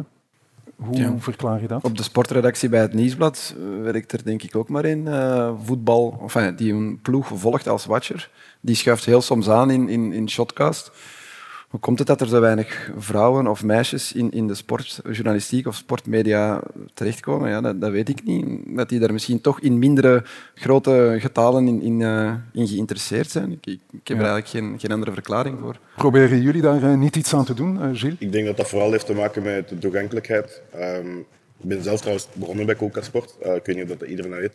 Maar we hadden ook zoiets van ja, gewoon zelf iets leuk maken. En ja, niemand van ons, als wij Koelka Sport, als we daar niet mee waren begonnen, was niemand ooit op een podcast uitgenodigd of bij een extra time geweest of uh, ergens wedstrijden van, van Red Flames gaan hosten, bij wijze van spreken. Dus ik denk dat het belangrijkste is dat wij die drempel voor onszelf heel laag hebben kunnen leggen om iets op te nemen en iets kwalitatief goed te brengen. En dat dat, ja, dat dat er niet voor iedereen is. We hebben dat zelf gemerkt, dus ik heb me inbeeld dat dat voor veel vrouwen in de, in de sport en zeker in de sportjournalistiek ook zo is. Maar we hebben nu zelf ehm, deze week Buiten de Lijnen gelanceerd. Dat is een podcast die is gemaakt door twee meisjes die bij Agent spelen. En uh, Josephine Hendricks, die, uh, dat is ook een van onze collega's, zij host dat ook mee. Dus we hebben wel zoiets van, dat moet in hun landen liggen en ze moeten dat zelf invullen zoals dat zij het willen. Het moet ook niet zo zijn dat, dat wij als, als, als vier mannen gaan bepalen, dit gaat de gullen zeggen en zo gaat het zeggen. Nee, dat is volledig aan hun. En het enige wat dat wij kunnen aanleveren is feedback. Dus ja. is, is het een kwestie van tijd, uh, denk je, uh, dat er meer uh, vrouwenstemmen te horen zullen zijn in de voetbalpodcasts in ons land? Ik denk dat wel en ik hoop het van wel, maar ik denk dat wij daar ook we moeten ook bewust zijn van. Ik denk wij inderdaad in het begin zijn daar heel naïef over geweest. Van ah, we gaan proberen zoveel mogelijk uh, speelsters of vrouwen uit de media of met interesse in voetbal uit te nodigen. Om dan zelf eigenlijk te beseffen maar, van ja, maar zijn wij wel een vrouwvriendelijke omgeving? voelen zij hun veilig genoeg om langs te komen in onze podcast. Want het is niet genoeg voor ons om te zeggen van ja, ja, we gaan ze wel uitnodigen en we zullen de eerste zijn en wij zullen ervoor zorgen. Maar we hebben heel veel speelsters gehad die zeiden van ja, ik voel me daar niet comfortabel bij of ik spreek niet graag over voetbal of ik weet het nog niet, want ik heb het nog niet uitgeprobeerd. En dan zijn wij ook misschien niet de beste plek om voor de eerste keer langs te komen. En wij hebben daar ook wel ons lesje moeten leren van ja, als wij iemand misschien willen uitnodigen, moeten wij die misschien al eerst een paar keer hebben ontmoet. Moet die misschien eens een paar keer op kantoor langskomen, wat nu wel een beetje meer gebeurt. Er zijn speelsters die bij ons soms op zondag mee de wedstrijden komen kijken. Ja, als die het een beetje meer gewoon worden, gaan die misschien dan zeggen van ah ja, dan willen wij ook eens aanschuiven in de podcast. En zo zal dat hopelijk wel gebeuren. Maar ik denk ook inderdaad, als zij ja, als zij gewoon zelf ook middelen krijgen om hun eigen ding te doen, zullen zij misschien meer ook vertrouwen hebben. En nogmaals, ik denk het, ik weet het niet. Ik kan ook niet in hun naam spreken, snap je? Ja. Zou het kunnen, Janko, dat de uh, uh, voetbalpodcast die je vandaag hebt gewoon uh, te macho zijn? Dat vrouwen zich daar niet toe aangetrokken voelen? Ik vind u heel macho. ik vind zelf niet super macho, maar ja, Terechte kritiek. Jullie zijn te macho met podcast. Ik ben blij dat Jeroen dat eindelijk eens bovenhaalt. Ja, nee, ik heb nu niet het gevoel dat, dat bij ons heel macho eraan toe. Ik heb dat trouwens ook niet echt bij, bij de andere podcast. En, en Valerie, waar het net over ging, onze collega bij het Nieuwsblad, ja. die doet dat oprecht ook heel, heel graag bij ons. En we hebben daar ook alleen maar positieve reacties op gekregen. Dus als er nieuwe stemmen zijn, als er nieuwe stemmen zich aandienen, dan ja, die zijn niet altijd welkom bij ons. Maar het is ook niet altijd makkelijk om die te vinden. Daarmee dat ik het ook wel leuk vind dat de mannen van uh, Friends of Sports nu met een nieuwe podcast zijn begonnen. Want ik voel me er soms ook een beetje schuldig over. Dat gaat dan eigenlijk nog breder. Dat ik heel weinig naar vrouwenvoetbal kijk ook. Dus er is ongelooflijk veel voetbal tegenwoordig. En dat maakt gewoon dat het moeilijk is om echt alles, alles, alles te zien. En dan moet je soms keuzes maken. Je kunt gewoon niet alles zien. En dan schieten die vrouwenwedstrijden voor mij soms over. Maar ik heb mij nu ook wel voorgenomen van elke maand te luisteren naar uh, Buiten de Lijn, om gewoon ja, mee te zijn al en, en ja, geïnteresseerd te geraken in bepaalde ploegen en er zo ook al mee naar te luisteren en te kijken. Wij doen elke zomer een Academie, uh, waar dat wij jonge mensen een kans willen geven om... Uh, om, om ja, uh, een platform te geven, materiaal te geven, ondersteuning te geven waar nodig. En daar hebben we dus de twee meisjes die dan uh, nu samen met Jos, die al even bij ons werkt, uh, die podcast hebben opgestart. En ja, we zien het aantal meisjes dat op, op een mid-academie solliciteert, zal ik het noemen, wel toenemen. En, en daar zijn we absoluut enthousiast over. Ja, oké. Okay, ik ga hier nog eens naar de stand kijken. Uh, 3-3-1, dat is de tussenstand op dit moment. Hier. Krijgen we het echt niet? Ja, daar moeten we echt iets aan doen. um, laten we, laten we um, eens een aantal kennisvragen stellen over de gasten die Aha. hier uh, vandaag zitten. Evert is een encyclopedie, daar ben ik bang van. Mijn carrière. Voilà. Uh, deze gaat tussen Koelkast en Mid-Mid. Jullie mogen even niet meedoen, ah, want okay. het zijn twee vragen over Frankie van der Elst. We weten allemaal, uh, jongens, dat de mooiste goal die Frankie ooit maakte, het doelpunt was tegen uh, Spanje. De belangrijkste goal die hij ooit maakte, het uh, doelpunt was tegen Dortmund, zeker met uh, Club Brugge. Maar wat was het eerste doelpunt dat Frankie van Relst maakte in zijn carrière als profvoetballer? Tegen welke club was dat? Moeten wij buzzen? Of? Ja, ja, buzzen. Ah, ja, ja, ja, ik weet niet. Mogen wij echt niet meedoen? Hè? Oh, Frankie. Frankie twijfel. Een aarzelende uh, Evert. Met RWDM tegen Club Brugge. Ja, zeer goed. Heel knap. Heel mooi. Allereerst uh, doelpunt in het uh, profvoetbal. Is het daar dat uh, Club Brugge jou ontdekt heeft, Frankie? dat was al ervoor gebeurd. nee, moet ik het beschrijven ook? Ja, ja voordoen, voordoen. Nee, nee, voordoen niet, dat gaat niet meer. Nee, maar... dus ik heb mijn meeste wedstrijden gespeeld als, als libero en als allee, bij RWDM en, en op het middenveld, maar centraal. Maar heel in het begin, als echt jonge gast, moest ik altijd rechts in het midden spelen.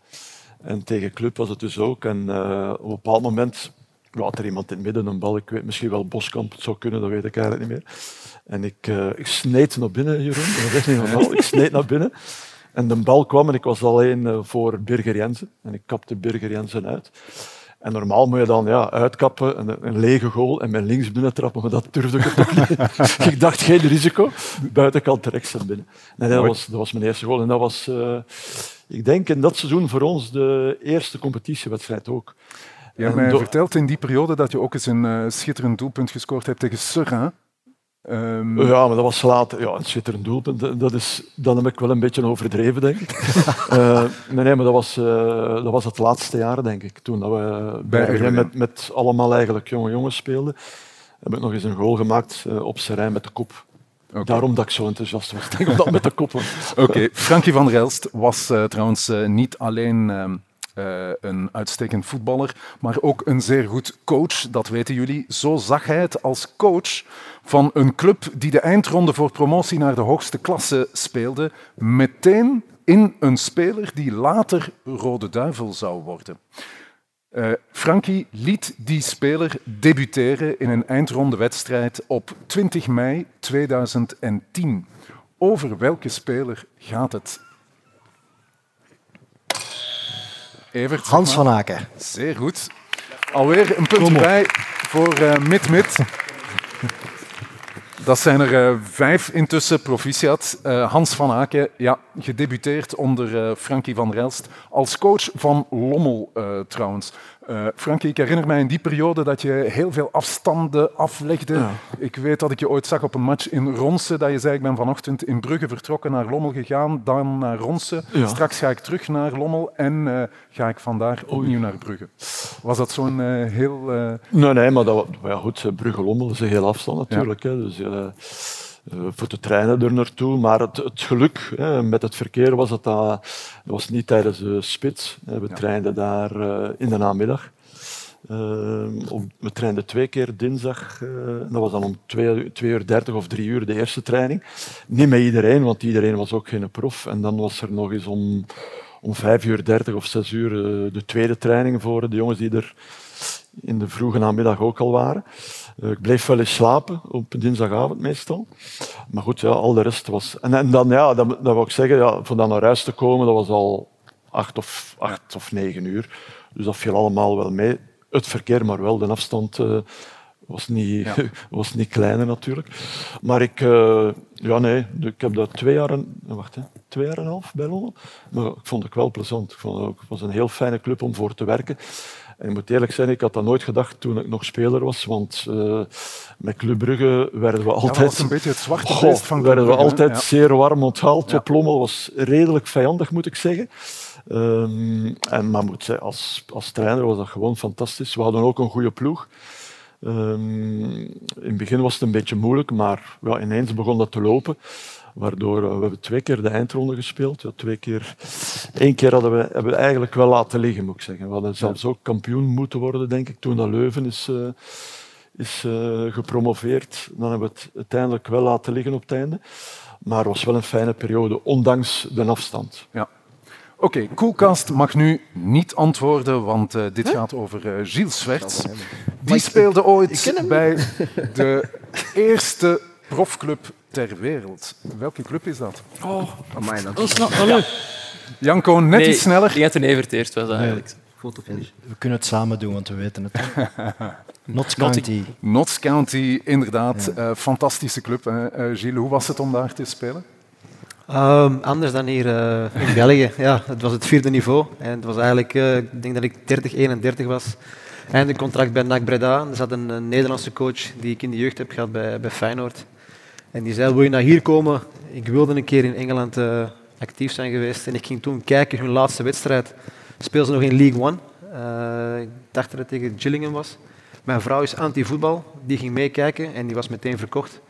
De sfeer eh, op dat niveau is, is anders, dat kan je niet vergelijken. Ja. En dan heb ik die stap gewoon En het eh, niveau? gemaakt. Het niveau? Het niveau was nog een, een heel goed niveau. We speelden, ja, we speelden tegen Wimbledon, eh, dat soort clubs, eh, waar ook nog 5 tot 10.000 man zat. Vergelijkbaar met eerste klasse hier of, of top tweede? Of... Tweede. Tweede. Ja. Ja, een historische club in een totaal andere voetbalcultuur.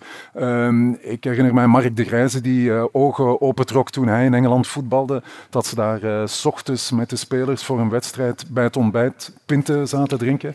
Dat Eh, nog net niet. Was dat ook zo bij Notts County? Eh, dat nog net niet, eh, maar wel na de training. Ik denk dat de eerste week was ze een, een, een teambuilding.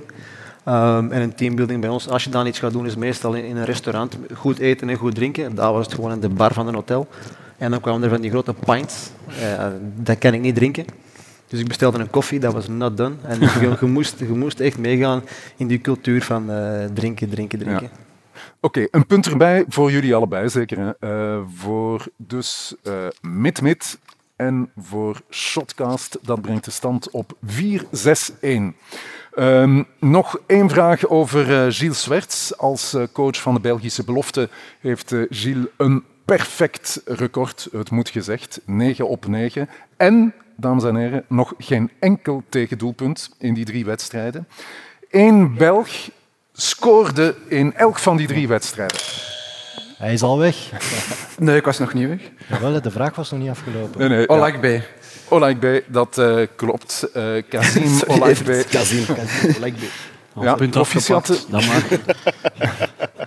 proficiat trouwens, eh, Gilles, voor eh, die geweldige start als eh, coach. Ehm, wat voor iemand is dat, eh, Kazim Olakbe? Ik had de vraag anders gesteld. Ja, zeg maar. Welke minuut? Oela. Ja, weten jullie dat? Alle, zelfs, zelfs bij Cercle Brugge. Hij heeft tegen KV Mechelen ges- gescoord in minuut. Ja, ik weet het nog. Ik was erbij. Ik denk dat dat 88 is. Nee, vier- v- 74. Hij valt altijd, ja, hij valt altijd. Drie Altijd. wedstrijden, één wedstrijd ingevallen. Ik denk in de 60e minuut, andere 65 en de derde bij rust. En hij scoort 74, vier- 72, 74, 75. Altijd in de 70e minuut. Een punt voor Dus Koelkast. Ja, dat is, Oké, dat geven we een punt bij voor eh Koelkast. Goed idee. Oké, en die, eh, het eh, aanvankelijke antwoord had ik nog niet erbij geteld, dus eh, dat brengt de stand op 5, 6, 2. Um, is dat echt, eh, heb jij die nu ontdekt, Gilles? Want het waren ook zijn eerste drie wedstrijden. Hè? Nee, ik heb die zeker niet ontdekt. Ehm, je moet weten, ik ben bij de nationale ploeg gekomen een week voor de eerste Interland. Dus ik kreeg gewoon een lijst met 30 spelers. Ehm, de meeste kende ik wel. Kazim kende ik niet. Ehm, en die was er eigenlijk ook niet bij de eerste selectie. Toen viel er iemand uit en ik had wel beelden bekeken op, uh, op Wisecout. En omdat er een aanvallende speler uitviel, had ik gezegd van kijk, dit is een jongen met snelheid, diepgang. Uh, vooral richting de goal, die wil ik erbij. En tijdens de eerste trainingsweek maakte hij zoveel indruk dat we die op de bank hebben gebracht om iets um, teweeg te brengen op het moment dat we het nodig hadden. En uh, dat heeft hij drie keer gedaan. Ja, is dat van die generatie, dus jongens onder de 21 jaar, is dat uh, de absolute top uh, in ons land? Of uh, zijn er nog zo'n namen waarvan je zegt dat wordt echt een hele grote? Um, het is moeilijk om te zeggen. Ik kan wel zeggen dat het echt een talentvolle lichting is. Um, leuk is om mee samen te werken, maar ook een paar jongens die misschien wel in België onderbelicht zijn geweest. Soms omdat ze vroeg vertrekken. Uh, als ik dan naar Arne Engels kijk, die uh, niet echt een kans heeft gekregen of minder kans heeft gekregen bij Club Brugge. Doet het goed bij Augsburg. Uh, weliswaar een middenvelder waar we er al veel van hebben bij het eerste elftal. Maar een jongen met heel veel kwaliteiten en, en ja, misschien wel andere kwaliteiten dan de spelers die nu bij het eerste elftal spelen. Ja. Uh, Oké, okay. uh, het is tijd om iets aan de achterstand te doen voor jullie, want nu mag uh, Mid-Mid niet antwoorden op de volgende vragen, want ik heb een vraag over Leroy Deltour. Die, die liet zich opmerken tijdens de jongste editie van het WK voetbal voor, ja. voor Mid-Mid Mondial. Bleef Leroy slapen in de studio. Wat was er, tenminste volgens de camerabeelden, zo opvallend? Nee, nee, ik ga niet. Hij heeft gelopen, zijn enkels zijn kapot. uh, ik denk dat Janko net iets eerder was. Hè? Hij sliep daar naakt in de zetel, dacht ik. Hè? Ja, zeer goed. Ja, sorry, goed vond ik dat nu niet, maar... Wat een vraag. Leroy, een uh, nacht om nooit te vergeten, neem ik aan? Uh, nee, ik word er vaak aan herinnerd. Ja. Er zijn mensen, ja, er zijn mensen die denken dat dat, dat, dat echt was. Hè. Allee, ik wil dat even doorprikken, maar ja. ik sliep uh, wel echt in het gebouw. Dat was ja. Is dat nu iets uh, typisch uh, podcast, Evert? Zoiets, uh, dat kan toch alleen maar met een Dat zie je toch niet zo snel gebeuren in een televisieuitzending? maar pas op, wow. Leroy is wel een speciaal. dat ligt niet aan podcast, dat ligt aan, aan de persoon die toelaat als wij een gek idee hebben, ik ga dat doen. Uh, dus dat is niet typisch podcast, dat is typisch de mensen waarmee dat wij werken, denk ik. Wij starten gewoon elke ochtend van een wit blad en een open mind. En dat kwam er die dag uit. Wij vonden het allemaal geniaal. En hij heeft het gedaan en het heeft ook opgeleverd. Hè. Mensen herkennen zich daarin. Ik vind dat wel tof. Oprecht de raarste vraag die ik ooit gekregen heb op het werk. Dat is waar. Oké, nog een vraag over uh, Leroy. Uh, hij staat bekend, dat zie je ook aan het uh, shirt dat hij draagt, als Chelsea-fan. Hoe heet de WhatsApp-groep waarin hij samen met een aantal andere fans over de club converseert? Detailvragen dat toch? Goeie Hoe vraag. heet die WhatsApp-groep? Ja, ik, ik, we hebben de punten nodig. Ken je de Blue Boys of zo? Ik reken het goed, de Blues Boys of ja? de Blue. Ja, ja. Ah, heel goed. Ja. Knap. Remontada. Heel goed antwoord. Uh, hoe komt dat eigenlijk, jouw passie voor uh, Chelsea, Leroy? Ja, ik heb hier een shirtje aan van het jaar dat de club werd opgericht. In uh, 2000. Nee, dat is geen waar. Dank u. Dank u. ja, die club was fancy toen dat ik 11, 12 jaar was. Kochten die wereldsterren. Zola liep er al rond. Die was fijn om te zien, maar ik moet, er ook niet, ik moet het niet mooier voorstellen dan het is. Dat was ja. de up-and-coming club toen ik 11, 12 was. Uh, wat dat je nu bij veel City-fans ziet, denk ik, de generatie achter ons. En uh, ik ben wel fan van het blauw ook. Uh, ik denk dat dat mij echt ook aangetrokken heeft eigenlijk. Ja, ik zou nog een aantal dilemma's in de groep willen gooien uh, voor we naar de publieksvragen gaan. een aantal dilemma's over jullie podcasts.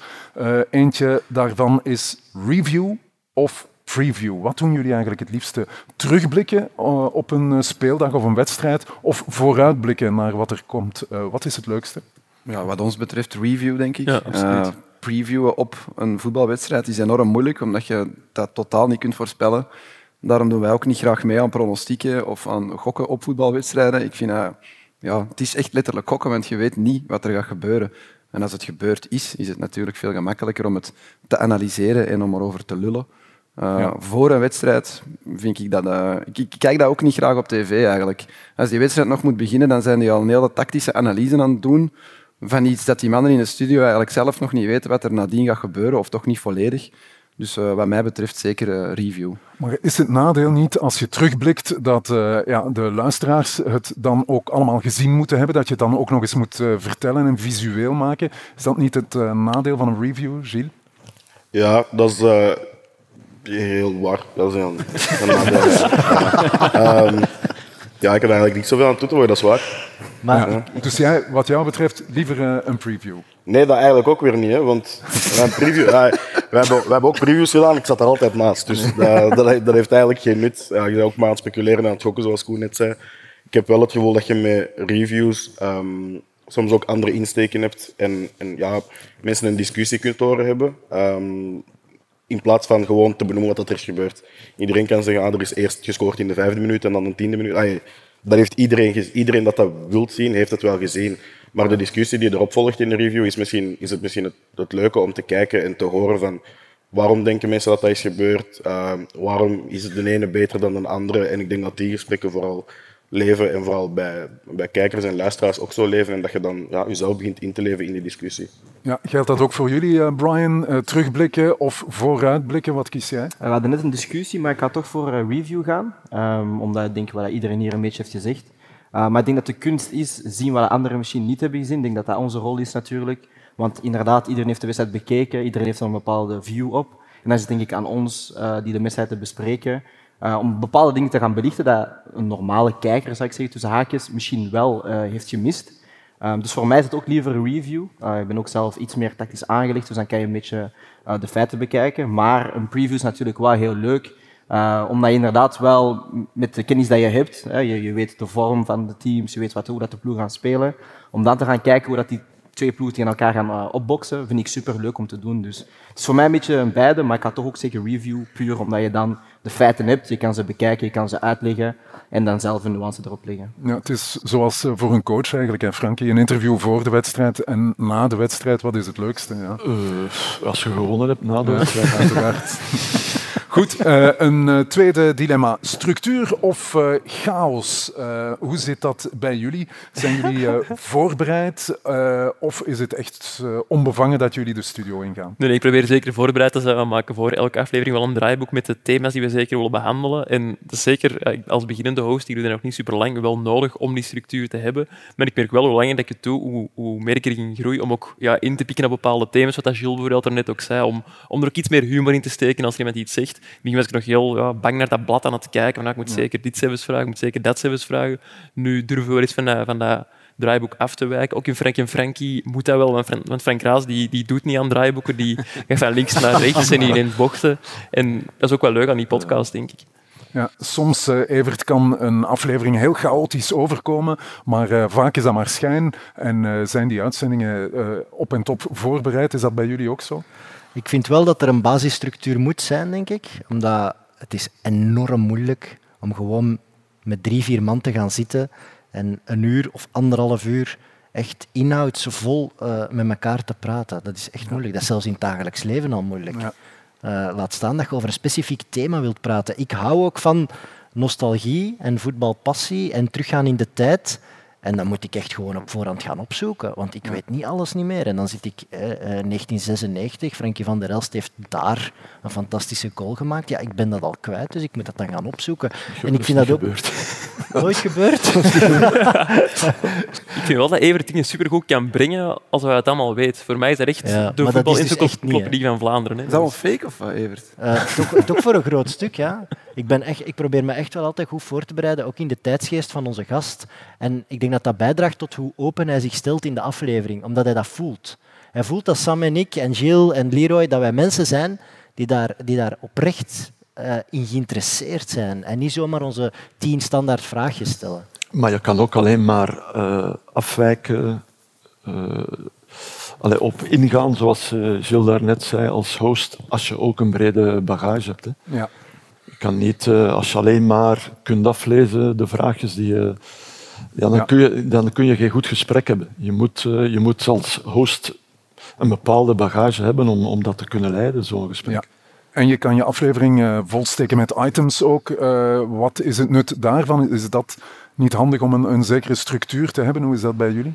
Ja, wij noemen het vaak gestructureerde chaos. Omdat ik denk dat je een minimum een beetje, je moet ankertjes hebben om te weten van als het te veel naar links of te veel naar rechts gaat, iemand moet het terug kunnen trekken. En dat is bij ons vaak de kapitein van de episode. Dus wij beslissen op voorhand, een week op voorhand, van jij bent de kapitein. Jij moet de structuur van de episode bepalen. Jij mocht aan de andere gasten misschien een paar opdrachten geven. Maar er moet ruimte zijn voor inderdaad curiositeit. En er moet ook ruimte zijn voor zo onwetendheid soms. Ik denk soms een guest zet je er graag een derde bij die misschien niks weet over die persoon, omdat die heel vaak gaat, ah, en wat was dat? En ah, en hoe was dat? En die pure curiositeit kun je niet echt nabootsen. Uh, maar je moet wel minstens één iemand hebben die toch tenminste weet van waar gaan we naartoe vandaag. Ja. Uh, maar de rest moet je een beetje loslaten, vind ik toch. Alleen bij ons dan toch. Ja, met camera of zonder camera? Volgende dilemma. Um, wat is het belang uh, van de camera bij jullie, Gilles? Goh, bij ons is dat uh, ja, in verschillende shows. Je wilt zien wie dat er is aan het praten, wat dat een dynamiek is tussen de mensen. Want ik denk niet dat een, een gesprek enkel audio, dat je volledig begrijpt wie er op welke manier zit, wat is de lichaamstaal van iemand, welke, ja, hoe wordt er gereageerd op, op bepaalde, bepaalde stellingen.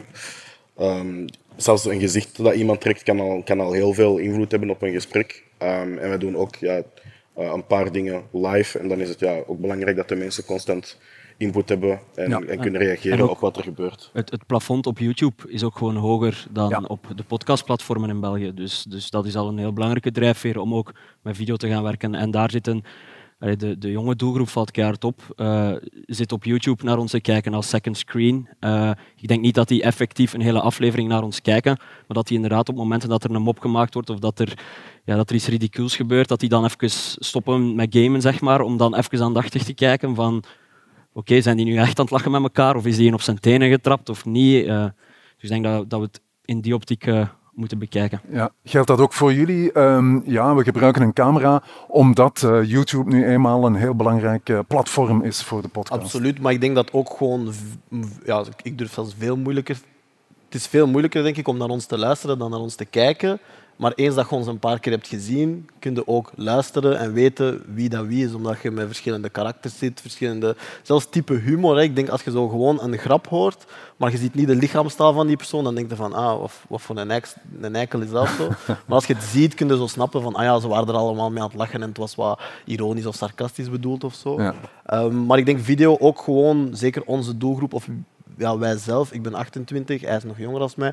Ja, ik kijk ook gewoon veel meer dan dat ik luister. Dus het is een beetje meer van wat we zelf consumeren, zijn we zelf gaan maken. Of zo. Het is meer zo'n een instappunt eigenlijk natuurlijk. Dus inderdaad, wat hij zegt. Als je de eerste keer Koelkast beluistert, denk je van dat is een hele chaos. Maar als je dan de mensen ziet, ja, daarna kan je bij wijze van spreken je ogen dicht doen en je weet hoe dan een bepaald persoon gaat reageren. Dat is een vaak een discussie dat we hebben uh, onder ons, uh, omdat ik heel pro-video ben af en toe botst daar denk ik wel op, maar dat is denk ik heel belangrijk. Um, dat je ook wel extra dingen gaat doen natuurlijk om die kijker toe te gaan trekken naar je videobeelden. Um, dus wij proberen vaak uh, ja, props te gaan gebruiken, andere outfits. Dat het toch wel opvalt van oké, okay, wat heeft hij vandaag aan of wat gaat hij vandaag doen of wat gaat hij vandaag speciaal meenemen. Ja, jullie zijn mag ik zeggen, het minst visuele uh, van de drie. Um, is dat een bewuste keuze? Waarom uh, gebruiken jullie de camera niet? Ik denk dat dat vooral een kwestie van, uh, van middelen is. We zijn een podcast die gemaakt wordt door, door, een krantredactie. Die redactie heeft al heel hard geïnvesteerd eigenlijk in, in middelen en in mensen om die podcast te kunnen maken. We experimenteren nu ook wel met, met kortere fragmenten die we dan posten op Instagram. Die worden gemaakt door Seba, die hier ook rondloopt vandaag. Die doet dat heel goed. En we voelen ook wel dat dat aanslaat. En, en ja, dat we misschien ook wel iets, iets bekender worden daardoor. En we staan ook wel open om te experimenteren met, met video en een volledige aflevering in beeld te brengen. Daar gaan we zeker mee experimenteren. Maar het is ook wel zo, als je dat dan gaat doen, moet je dat wel op een goede manier doen, want je wilt ook niet met een, met een heel slecht product afkomen. Maar ja. uh, ik sluit niet uit dat het er in de toekomst wel van gaat komen. Oké, okay, lang of kort, Evert? Um, met lang of kort bedoel ik, een podcast-aflevering uh, kan soms uh, heel lang duren. Ik denk dat er uh, niet echt een limiet op staat bij jullie. Hè?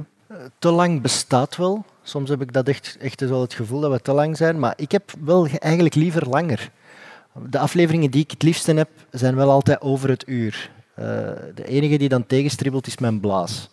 Dat is echt, echt waar. Ik weet niet hoe dat Sam dat doet, maar ik moet soms echt veel naar het toilet tijdens die opnames. Maar ja, ik, ik praat gewoon graag lang met mensen, omdat ik pas na een half uur gerodeerd ben. Ja. Snap je wat ik bedoel? Na een half uur heb ik zo het gevoel, ik ken u. En nu kunnen we voor echt gaan praten. Dat eerste half uur moet je toch nog wat ijs breken. En uh, moet je zo wat aftasten, hoe ver kan ik gaan met mijn vragen? Uh, en dan na een half uur kun je zo eerst een stoute vraag stellen. En dan moet je hopen dat ze niet gaan lopen. En ik denk dat dat eigenlijk nog nooit gebeurd is. Nee. Ik denk dat een aflevering op zich niet echt te lang kan zijn. Ik denk dat je wel te lang bij bepaalde topics kunt stilstaan. Ik denk dat dat een grotere valkuil is dan, dan een totale duur van een podcast. En het is ook een troef van het, van het medium natuurlijk. Hè. Op, op tv uh, zet je verplicht om het uh, binnen de reclameblokken, zeg maar, uh, uw mening uitgesproken te hebben, ja, daar moeten wij helemaal geen rekening mee houden. Ja, houden jullie daar rekening mee, uh, hoe lang een aflevering duurt? Ja, omdat wij voor elke opname beloven dat het zo lang gaat zijn en dat we het nooit respecteren.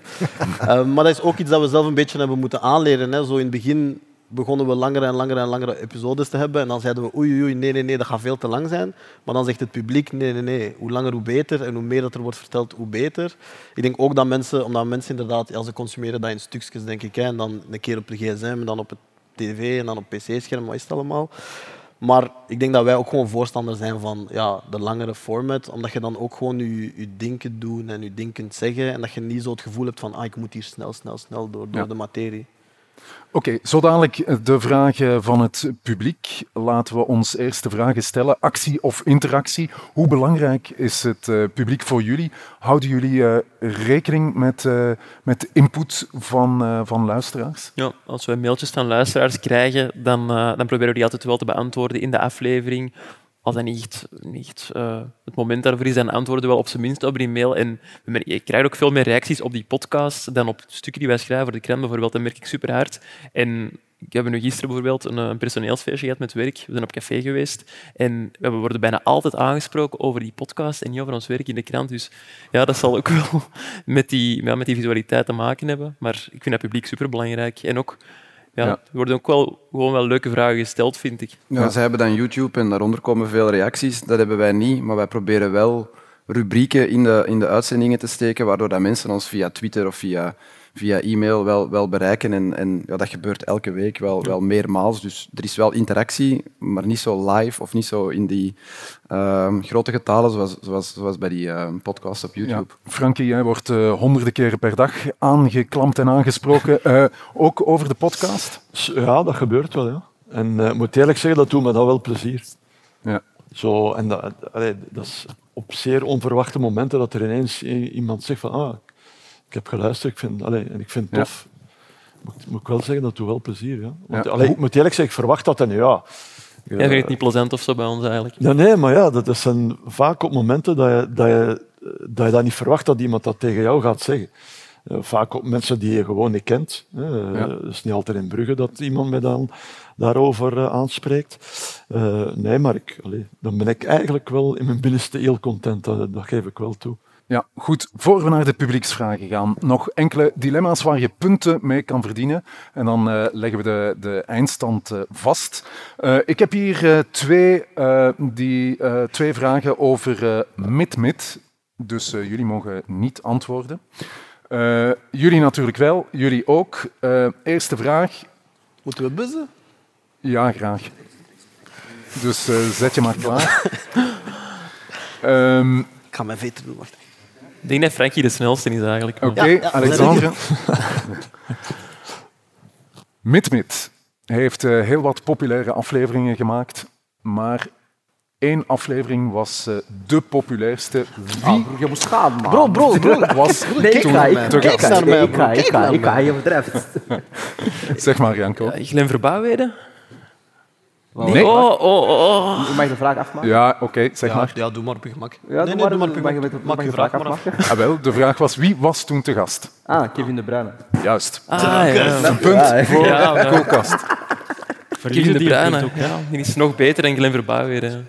De aflevering met eh, Kevin De Bruyne. En ik denk dat eh, op twee de aflevering eh, met Janko en eh Gilles was, eh, als ik mij niet, mij niet vergis. Oké, bij Mid-Mid hebben ze eh, hun eigen versie van de Gouden Schoen.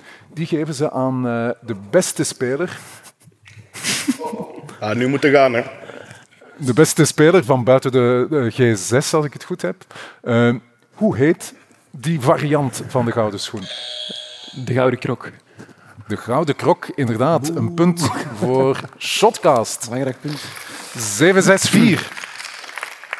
Oké, het wordt hier nog eh, spannend. Ik heb twee vragen eh, over Koelkast. Allee, ja, maar is Koen. Oké, Kom aan, Gilles. als je, niet, als je alles niet juist hebt. ik zie dat eh, Maar we hebben een betere Gilles gebracht. Eigenlijk mag enkel Evert antwoorden. Shit. Ik zie dat Brian een shirt van eh, Arsenal aan heeft, maar als ik mij niet vergis, heeft hij een andere favoriete club. En dat is Manchester United. Juist.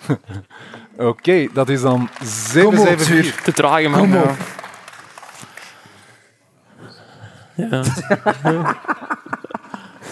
Eh, mijn favoriete podcast persoonlijk is die over eh, de Challenger Pro League 1B. Hoe heet de 1B-podcast? Ah, ik heb ooit een podcast gestart en die heet Road to 1A, als ik me niet vergis. Die zitten wel dicht. Road to 1A. Maar gemaakt. Ja, afstand Ja, Competitievervalsing hier met de afstand. Oké, en nu mogen die van eh, Shotcast niet antwoorden. Ehm, Lars, die er eh, intussen niet meer bij is bij Shotcast, die had één duidelijke favoriete drank. Welke? Hij zit daar. Duvel. Juist. Oké, eh, nee, dat is deze. Hè. Negen. eh, jullie lopen uit hè, met, met, met negen punten. Zeven punten voor Shotcast en vier voor eh Coolcast. De laatste vraag gaat over eh, Shotcast. Wie was nooit eh, te gast? Oef, welke scheidsrechter liever was nooit te gast? Bram van Driessen, Erik Lambrechts of Laurens Visser? Ik ga gewoon gokken. Wie was nooit te gast? Lambrechts. Nee, nee, Nee, klopt niet. Bram van Driessen. Nee, Nee, nee. is- Krijgen wij een punt dan ook? Een punt erbij nog voor eh Koelkast. En eh, dat brengt ons op deze eindstand. hè. 7, 9, 5. De winnaar is, net als gisteravond, Mit Mit.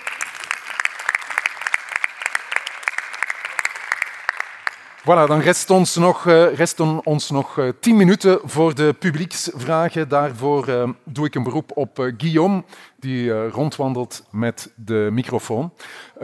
Heeft iemand een vraag voor onze podcasters of voor onze gasten? Is er iets dat je wilt weten? Steek gewoon je hand op en dan komt Guillaume naar je toe en dan kan je je vraag stellen. We hebben een eerste vraag achteraan in de zaal. Zeg er ook duidelijk bij aan wie eh, je je vraag stelt, tot wie je je richt. We we horen niks. Mic check, mic check. Test, one, two, one, two, test. Can, can I get the mic? Nu wel. Hey. Ja. Ah. Ehm, bij de vraag over de gouden bal kwamen er misschien de meest gepassioneerde antwoorden over. Ehm, maar er kwamen ook veel meningen dat verdedigers onderbelicht worden of dat je beter een, ploeg, ja, een prijs geeft voor beste ploeg. Ik vond deze samenstelling van die drie podcasts heel tof. En het zou misschien heel tof zijn mochten jullie een formaat uitwerken waarbij jullie jullie eigen prijzen gaan uitreiken. En dan iets helemaal out of the box gaan denken. Ehm, en ja, eigenlijk helemaal afstappen van het concept van een gouden bal en totaal andere prijzen gaan uitreiken vanuit jullie mening dan. Hebben jullie daar ooit over nagedacht of zouden jullie daar ooit interesse in hebben? Een eigen prijs lanceren, waarom niet? Eh, jullie eigen eh, versie van de gouden schoen of de gouden bal? Frankie? Ja, ja, maar ik kon net zeggen, vro- vroeger bestond dat wel bij, in kranten zo, man van het seizoen. eh, Ja. De gouden stut. Dat soort, eh, ja, gouden stut. Allee, dat, soort, eh, dat soort dingen. Maar ja, dat is misschien wel een goed idee van dat per podcast te doen. Maar ik denk dat de Gouden Krok wel al een goede versie is, toch? Ik bedoel, dat is hè, voor de, alle ploegen die uit de G6 vallen, dus de meer onderbelichte ploegen. Dus ik denk dat er wel al een initiatief bestaat dat we zeker mogen... Inderdaad. Ja, oké, dankjewel voor de suggestie. Eh goede suggestie. Tweede vraag. Heeft eh, nog iemand een vraag? Steek gewoon je hand op. serieus, helemaal van achter. Die wordt gewoon genegeerd, Guillaume. Ja. Ah ja, daar ook. Guillaume is zoekt een het hoger. gigantisch grote zaal hier. is het? Ja. Zet u linksboven anders, dat is grappig.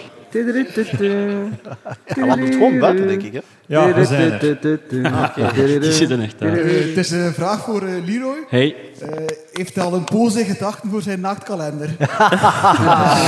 Ik, eh, ik speel met het idee om het average Rob gewijs eh, met iconische Premier League momenten te doen eigenlijk.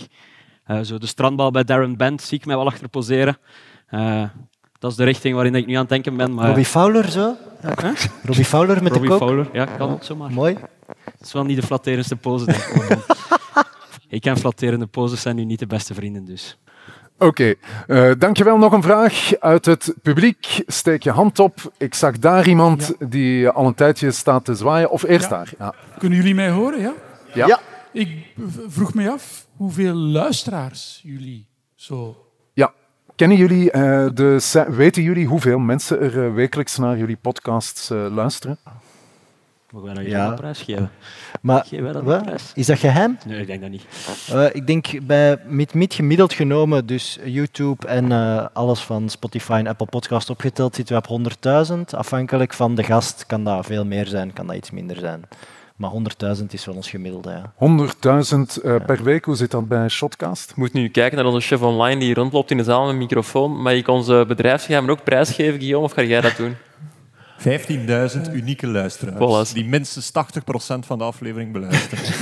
Maar dat zijn unieke luisteraars. Minstens 80% van de aflevering. Unieke luisteraars. is- Oké, ik denk dat dat een eh, duidelijk antwoord op eh, jouw vraag was. Volgende vraag. Nog een vraag. voor Evert, als eh, ook supporter van KV. Eh, denk je dat uh, Besnik Hazi onze club uit play-off 3 kan halen? Um, Besnik niet.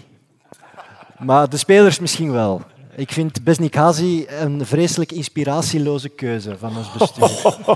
Hey, en ik vind het ook opvallend dat wij de beste vriend van Dejan Velkovic aanstellen als coach. Dat vind ik ook heel bizar. Jeez. Dat terzijde. En Besnik is hier van Anne niet waar. Dag Ik zie hem straks op de match tegen Charleroi.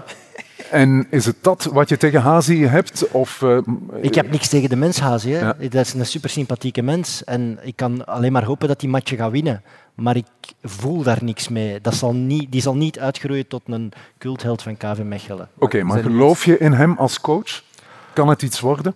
Uh, dat zijn zo van, ja, nee, dan ga ik weer bruut zijn, maar dat zijn, er zijn veel wegwerpcoaches en hij is daar één van. Maar hij kan drie matchen winnen, dat is goed. Hij gaat drie matchen verliezen, dan gaan we weer moeten zeggen, moet er de volgende al komen. Wouter Franke, dat was een uh, prikkelende keuze. Die had overal kampioen gespeeld, van vierde provinciale tot derde klasse. Uh, Steven de Voer was een legend van de club. Dat zijn prikkelende keuzes. Zelfs Danny Buis, Nederlander, fris, nieuw gezicht, kan een prikkelende keuze zijn. Ja, vind die ik... Die presteerde niks. Uh, nee, maar, maar de keuze aan zich was zo prikkelender dan dit. Ja, een heel duidelijk antwoord. We hebben nog tijd voor een vraag als...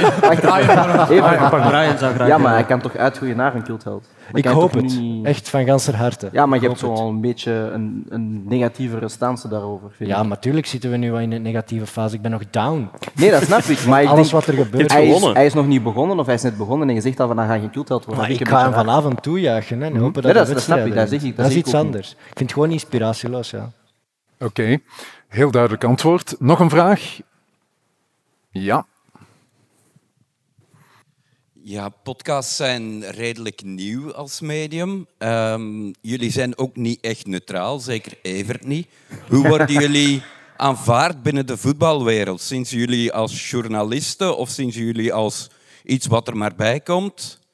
Um, als je Kevin De Bruyne kan krijgen als gast, dat is toch teken dat ze jullie kennen. Nemen ze jullie au sérieux, Alexandre? Um, ik denk de voetbalwereld, als het gaat om de media, wij persoonlijk boeit ons niet of dat ze ons aanvaarden of niet. Um, maar de spelers en de coaches, ik denk dat wij het geluk hebben dat wij gewoon persoonlijke relaties hebben met die mensen.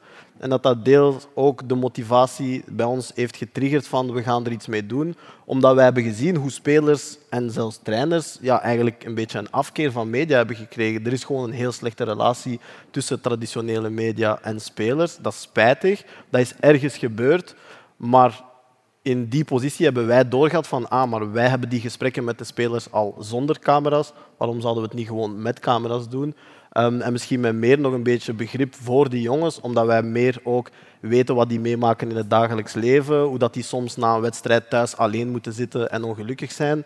Uh, en niet enkel gaan beginnen kakken over hij heeft zijn controle gemist. En, en, en ja, het zijn die nuances. Maar de media, boeien. Ja, wij, wij werken natuurlijk voor een krant, dus wij zijn die traditionele media. Maar je merkt wel dat als er een gast komt, ja, die zijn wel die vinden het leuker om naar een podcast te komen dan voor een, om een krant een interview te geven. Omdat die ook wel ja, soms een beetje inderdaad neerkijken op die, op die journalisten die voor de krant werken, voor de traditionele media.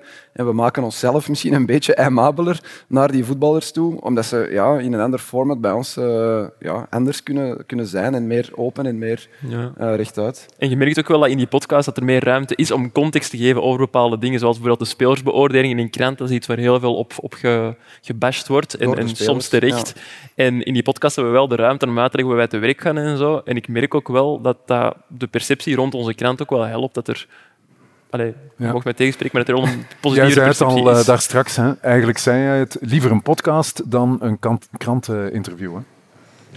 Ja, dat klopt. Maar nogmaals, wat ik zei en wat hier ook nu net wordt uh, gezegd door iedereen, je voelt u meer op uw gemak. En in een krantenartikel of met een journalist ben je altijd net iets meer op uw, op uw hoede. Ja. Maar ook wat er juist is gezegd, uh, in een podcast, als er, al, als er al een relatie is, ik ben nu trainer, daarvoor was ik speler. Je krijgt een keer onze kant van het verhaal te, uh, te horen. Ja. Um, en, en daarom ben je meer op je gemak. Oké, okay. uh, we zijn aan het einde gekomen van deze vriendenmatch. Ik geef je nog eens uh, de eindstand mee. Uh, vijf punten voor Coolcast. Zeven punten voor Shotcast. En de winnaars van vandaag zijn die van MidMid. En natuurlijk uh, laten we hen niet met uh, lege handen naar huis gaan, want uh, Guillaume heeft een hele mooie oorkonde. Dat zal de tweede oorkonde klaarstaan. Ik zal, ze, ik zal ze even voorlezen. Eén podcast lang hebben wij een openbaar onderzoek gehouden onder leiding van een onschuldige hand, Jeroen Roppe. Een onderzoek naar de slimste voetbalpodcast ter wereld. Niet gesubsidieerd en te volgen voor de Happy Few in het Cursaal te Oostende. Het resultaat is dat vanaf heden, 11 november 2023, de genaamde MidMid-podcast niet langer als dusdanig hoeft aangesproken te worden, juister en eerbiediger is om vanaf nu te zeggen de slimste voetbalpodcast ter wereld. Kot erat demonstrantum en met felicitaties van de jury.